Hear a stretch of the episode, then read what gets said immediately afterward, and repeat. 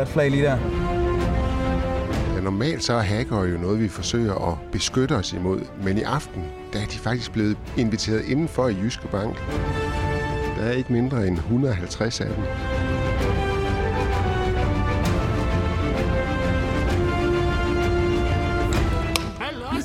Hvad så? Er I øh, sørøver eller pirater? Vi er pirater. Og det betyder, at I kan programmere. Er det en fordel? Vi får i hvert fald løn for at programmere, men uh...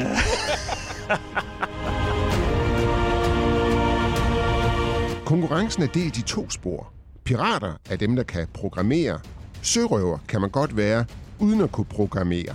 Men fælles for alle er det, at det gælder om at hacke data, stjæle penge eller overtage andres identitet.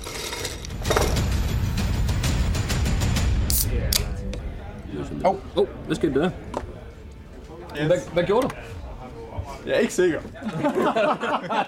Jeg kan forstå, at I er jo to forskellige hold, der sidder ved de bord her. Altså, hvem, hvem er egentlig de bedste? Ja, det er vi. Det må vi være. Det er helt klart. Og, det, og, og det er noget, der kan føres bevis på op på tavlen deroppe, eller hvad? Nej, nej, nej. Du skal ikke kigge derop. Er, er I pirater eller sørøver? Ja, vi er sørøver. De er også kendt for at lyve. Men aftenens store spørgsmål er selvfølgelig, hvorfor Jyske Bank helt frivilligt har åbnet dørene for en flok pizzaædende sørøvere, pirater og hackere.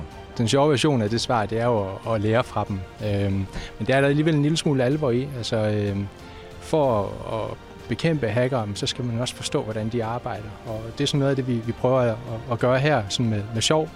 Og det, når vi har det sjovt, det er også der, hvor vi lærer bedst. Ja, nu er vi så ved brilleholdet.